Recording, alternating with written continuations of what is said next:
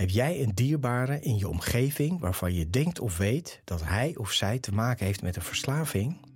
Of worstel je zelf met een verslaving? Dan ben je hier op de juiste plek. Mijn naam is René van Kolm en na 30 jaar verslaving ben ik clean en in herstel vanaf 2010 en werk ik sinds 2015 als familiecounselor. Dit houdt in dat ik de mensen in de directe omgeving van iemand met een verslaving help. Want als je dicht bij iemand staat die verslaafd is, is het echt belangrijk dat je weet wat je wel en beter niet kan doen. In deze podcast neem ik je mee in de wereld van verslaving en de verslaafde en leer ik je met mijn kennis en ervaring hoe jij hiermee om kan gaan, wat herstel is en wat je kan doen om jouw dierbaren te helpen en zelf overeind te blijven.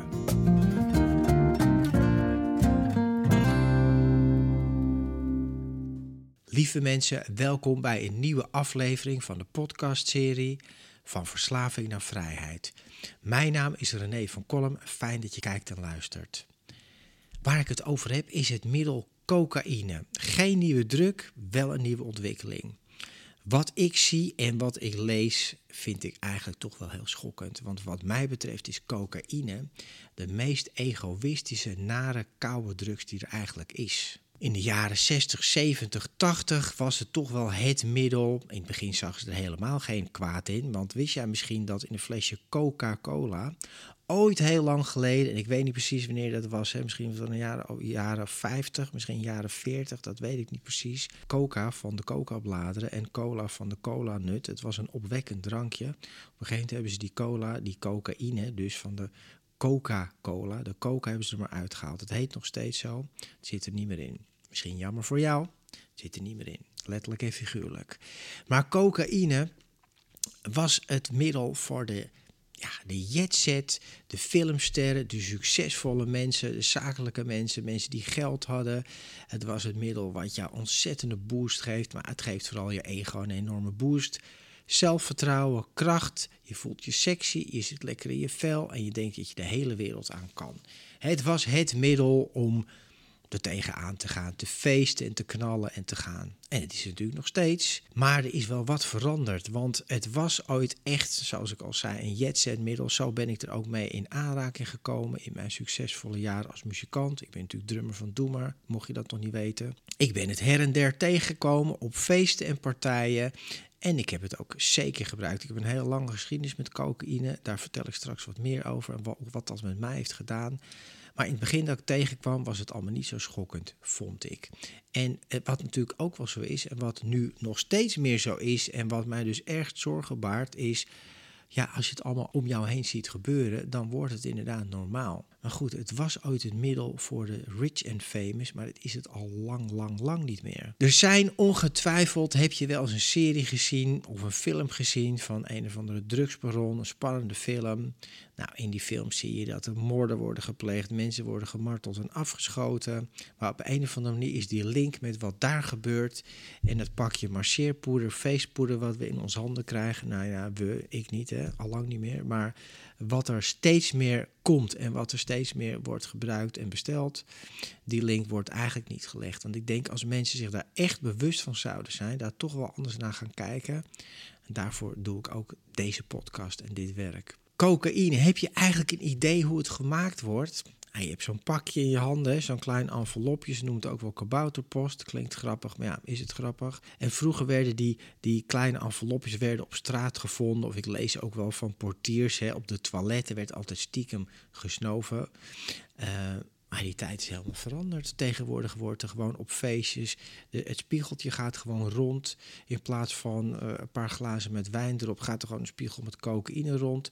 Op studentenfeesten, uh, op feesten met, zakenfeesten, uh, bruiloft en partijen. Nou, bruiloften weet ik niet. Maar het is gewoon geworden om te gebruiken. Maar weet je eigenlijk wel wat erin zit en hoe het gemaakt wordt?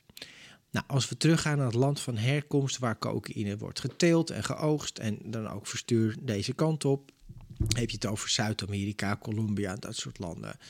Colombia is geloof ik een van de grootste exporteurs. Nou, die coca-bladeren die groeien vrolijk in de zon. Die hebben, wij zijn zich van geen kwaad bewust. En die worden natuurlijk geoogst. Die worden door allerlei chemische processen omgezet tot poeder. Want hoe maak je van een blad poeder? Nou, daar zit natuurlijk, gaat wel iets aan vooraf. Middelen die daarvoor gebruikt worden, en dat kan ik me nog herinneren toen ik, en ik ben nu inmiddels 12,5 eh, jaar helemaal clean in herstel van mijn verslaving, maar toen ik dat gebruikte en ook wel snoof en rookte ook wel, dan zat er een soort chemisch smaakje ook aan. Ja, dat klopt, want cocaïne wordt gemaakt, die, die bladeren, daar gooien ze kerosine op. Nou, ik weet niet of je weet wat dat is, maar dat is... Um, daar gaan onze vliegtuigen de lucht op in. Het is zeg maar benzine voor vliegtuigen. Nou, is niet echt heel gezond en zeg maar lekker om in je, in je lijf te krijgen. Kerosine is gewoon super chemisch giftig spul. Dat gooien ze op die bladeren, waardoor er een soort proces ontstaat, waardoor dat, dan komen de alcoholiden vrij. Dat zijn de stoffen die werken, zeg maar, zonder het heel technisch te maken. Maar van daaruit gaat het allemaal stappen tot een soort pasta. En daarvoor wordt het langzaam een soort poeder gemaakt. Maar daar gebruiken ze nog veel meer lekkere middelen voor. Benzine, zout, zuur en zwavel worden allemaal toegevoegd in verschillende stadia om tot dat poeder te komen. Dus kerosine, benzine, zoutzuur en zwavel. Die middelen en die residuen van die middelen blijven natuurlijk in die verpakking zitten. Dus als je gebruikt, krijg je dat 100% binnen. Nou weet ik dat wij uh, moeten eten en drinken. Maar benzine is toch echt iets voor auto's en kerosine, iets voor vliegtuigen. Niet iets wat wij nodig hebben.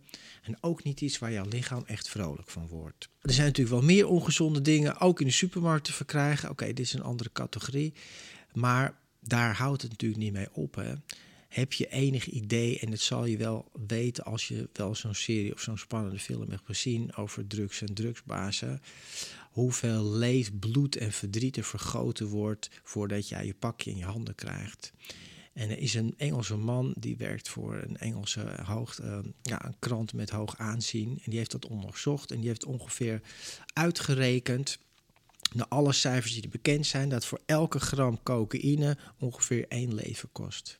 dus voor elke gram cocaïne die gebruikt wordt, is er één iemand dood gegaan. Nou, die is niet uh, overleden aan natuurlijke gevolgen, zeg maar, door ouderdom. Nee, dat is moord, marteling, uitbuiting, ontvoering, onthoofding. Nou, ga zo maar door. Echt gruwelijke, gruwelijke shit die plaatsvindt rondom die cocaïnehandel. En ergens weten we dat natuurlijk ook wel, want we hebben series gezien, links en rechts, waar we vaak dan nog heel spannend naar kijken. En toch wordt die link naar zo'n feestje niet gelegd van dat middel wat je eigenlijk aan het gebruiken bent en hoeveel verdriet en ellende daar aan vastzit. En ik wil hier niet gaan staan preken over doe het niet en kijk uit wat er allemaal in zit en wat ermee te maken heeft ik noem het ook geen preken. Dit gaat over bewustzijn, dat je weet wat je doet en wat je ook daarmee in stand houdt. Als jij nou denkt dat jij een grammetje cocaïne bestelt en daarvoor heeft één iemand zijn leven moeten laten. En heb ik het nogmaals niet iemand die van ouderdom is gestorven, maar iemand die vermoord, gemarteld is of uit elkaar is getrokken op de een of andere manier. Want dat gebeurt. Zeg maar, die criminelen in, in de cocaïnehandel zijn niet de meest subtiele mensen. Zoals ze omgaan met hun product. Ze beschermen het tussen aanhalingstekens heel goed. Dus daar gaan heel wat dingen aan vooraf voordat je dat in je handen krijgt. 1 gram tegenover één mensenleven, dat is toch wel iets om over na te denken. Nou, buiten dat, als we nog even teruggaan naar Colombia, al die chemicaliën, die chemische shit die ze gebruiken, en dat gebeurt allemaal in tijdelijke drugslabs die worden opgezet in een oerwoud vaak, omringd met allerlei soldaten met machinegeweren om natuurlijk de boel te beveiligen, want het is illegaal. Daarna, als dat allemaal klaar is, in, uh, ingepakt en gezakt en het wordt uh, klaar voor vervoer, dan wordt al die chemicaliën worden lekker gedumpt in de rivier of in, de, in het oerwoud. Nou, dan heb je het ook nog over het Amazonegebied. Ook iets wat je gewoon maar mee moet nemen, je bewustzijn dat een heel stuk uh, natuur echt vernietigd wordt. En als je uitgaat dat er 2 miljoen kilo ongeveer per jaar wordt verbouwd, 2 miljoen kilo, nou dat is wel een serieuze hoeveelheid, kan je nagaan hoeveel chemicaliën en shit daar gewoon de natuur in worden gedropt. Gewoon iets om over na te denken waar je mee bezig bent als je cocaïne gebruikt. Nou, dat is één ding. Nou, er wordt natuurlijk vervoerd. Daarvoor worden mensen omgekocht, mensen afgeperst, nou, enzovoort. Want ja, ook om het te vervoeren en die grote containers en zo, dat gaat natuurlijk ook allemaal illegaal. Nou, dan komt het aan ergens in, uh, in Europa vaak, want Nederland en Antwerpen zijn de meest favoriete, tussen aanhangstekens, havens waar cocaïne wordt binnengebracht. Nou, daar moet natuurlijk worden uitgehaald. En ik las laatst weer op, uh, op het nieuws op de NOS dat de uithalers, dat zijn de jongens of meisjes.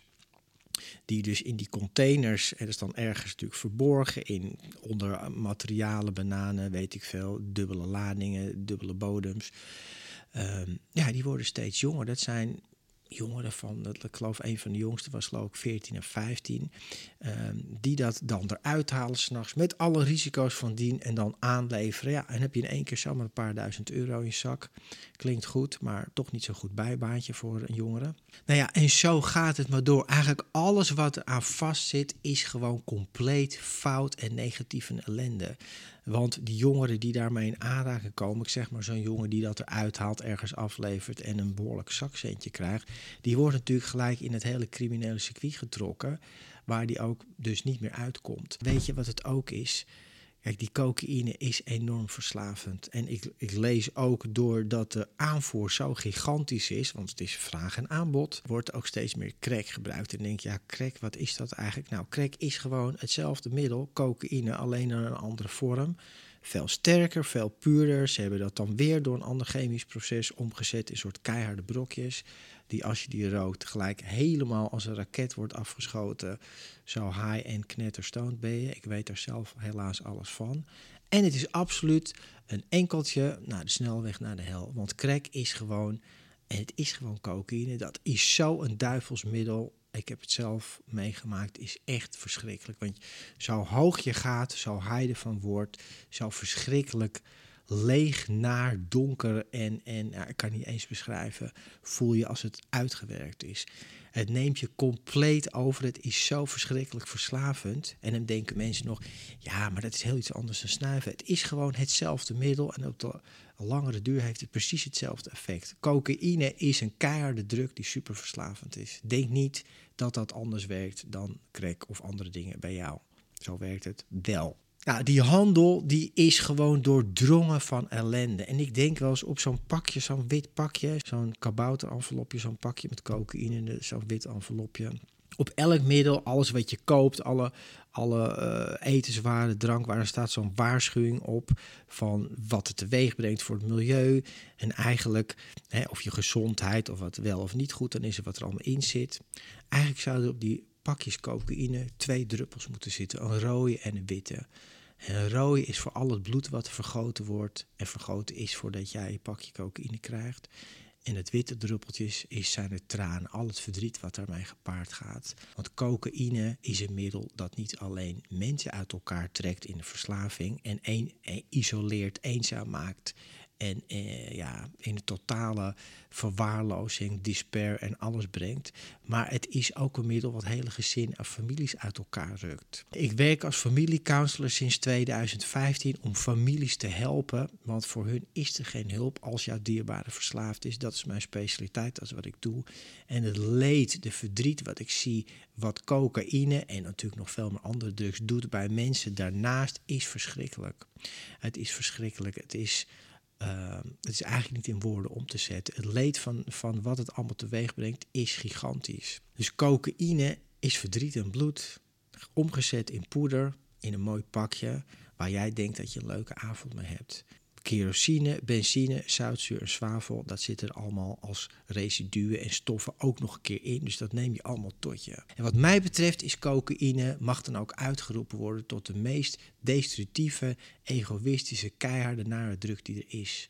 Want ik heb allerlei drugs gebruikt en ik was verslaafd aan heroïne en andere opiaten. Verschrikkelijk verslavend, maar cocaïne en crack cocaïne heeft mij kapot gemaakt. Heroïne was nog een middel, dat nam ik ochtends en dan kon ik nog een uren op, op gaan, zeg maar. Dat, dat bleef dan zo. Niet goed te praten en foute boel en zwaar verslaafd en super ongezond. Maar cocaïne, dat werkt in een paar minuten en steeds korter. En dat jagen daarna, dat opgefokte gevoel en steeds meer wil hebben en steeds gekker in je hoofd worden. Dat is wat cocaïne is. De complete paranoia. En ik denk wel eens dat dat begint al bij het begin, omdat het verbouwd wordt met zoveel spanning criminelen, militairen, hè, de war on drugs. Er zijn duizenden, miljarden euro's, dollars gaan er naartoe om het te bestrijden. En het helpt helemaal niks, er verandert helemaal niks. Al die spanning, die energie, die lading die daarop zit, die zit al in dat pakje wat je krijgt. Al het verdriet en die ellende, dat gaat gepaard met die cocaïne. En zo gaat het eigenlijk het hele traject van van A tot Z, voordat je het krijgt, zit dat, die energie zit erin. En cocaïne heeft mij echt helemaal gek gemaakt. En dat bedoel ik echt letterlijk.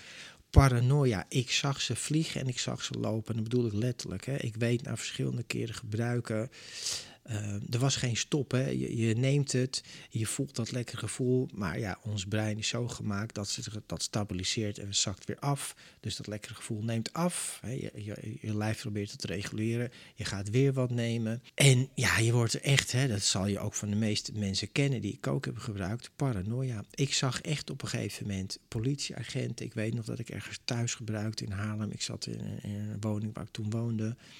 En ik zag gewoon, ik zat te gebruiken in mijn slaapkamer. En het was overdag. En ik zag dat de politie, zeg maar, zo achter bij de tuin, bij het hek, dat ze zo, weet je wel, ze liepen erachter en de voorkant. En ik zag ze kijken en doen in mijn hoofd. Hè. Er was helemaal niks. En ik ben op een gegeven moment, was echt helemaal compleet en gek. Ben ik in die tuin gaan liggen om een soort van over te geven. Na een half uur zakte de, dat middel af en was er dus helemaal geen politie en was er helemaal niks. Maar complete paranoia, complete angst. Maar ook, hè, dat is dan één ding. En dat, dat kwam het moment, ik dacht ook vroeger, als ik dat gebruikte en ik liep door onze mooie hoofdstad Amsterdam, waar ongeveer 3,5 kilo cocaïne per dag wordt gebruikt. Even een zijstapje. Blijkt uit rioolwateranalyses 3,5 kilo per dag. Ja, dat is bizar. Toen ik daar liep, dan overdag of s avonds, dan dacht ik dat mensen hun weet je wel, auto, dim licht, groot licht, dat ze zo flitsten naar elkaar toe van, hé, daar loopt hij. Compleet paranoia, echt helemaal gek. En dat is wat het in mij deed en wat het om mij heen deed, was dat ik er heel naar en koud egoïstisch van werd. Echt heel naar en koud, meedogenloos. Liegen, stelen, uh, bedriegen. Keihard in iemands gezicht zeggen dat je dingen niet hebt gedaan terwijl je ze hebt gedaan. Cocaïne is het middel om je hart en je ziel te verdoven en compleet uit te schakelen. Het is het meest koude, nare middel wat ik ken. Het maakt de verbinding tussen jou, je hart, de liefde en je omgeving helemaal kapot. Dus lieve mensen, ik hoop dat jullie met deze boodschap, en het is niet om te preken, het gaat om bewustzijn. Kijk eens zo'n serie op Netflix. Er is nu een serie die heet Zero, Zero, Zero. Nou, ik kan het niet aankijken, want het is zo vreselijk keihard. Maar dat is wat het is. Dat is geen geromantiseerd, geïdealiseerd of gedramatiseerd beeld. Nee, dat is wat het is en nog veel erger. 1 gram cocaïne, één mensenleven. Dat is ongeveer, zeg maar, de balans. Dit is niet een leuke boodschap, maar ik hoop dat jullie over nadenken en dat het dus niet normaal is om overal te gebruiken, aan de bar, op feestjes, in studentenhuizen en dat het er niet bij hoort. Want wat hoort er alles hoort op een gegeven moment steeds meer bij. Alcohol is al grenzeloos, andere drugs, cocaïne. Het, het einde is al lang zoek. Het hoort er niet bij. Het hoort niet thuis in je lichaam, maar het hoort vooral niet thuis in jouw hart, in jouw familie, in jouw relatie met de mensen waarvan je houdt. En ik hoop dat jullie dit te harte nemen. Dank jullie wel voor het kijken en het luisteren naar deze podcast, deze aflevering, deze keiharde aflevering moet ik wel zeggen. En het doet me pijn als ik zie dat zoveel mensen hier aan lijden en alles wat ermee gepaard gaat. Abonneer je op dit kanaal om deze informatie en alles over bewustzijn, waar het eigenlijk over gaat en wat het een beetje innerlijk en uiterlijk doet en de omgeving. Deel dat met andere mensen, want ik hoop dat nog veel meer mensen zich bewust worden van hoe het werkt. En dan heb ik het niet over de gewone gezondheidsgevaren, maar ook over de energiematige uh, gevolgen die doen voor jouw hart en jouw ziel en jouw omgeving en de mensen waar jij van houdt. Bedankt voor het luisteren naar deze aflevering van Verslaving naar Vrijheid. Wil je mij een vraag stellen of heb je mijn hulp nodig? Neem dan contact met me op via mijn website renévancolum.nl.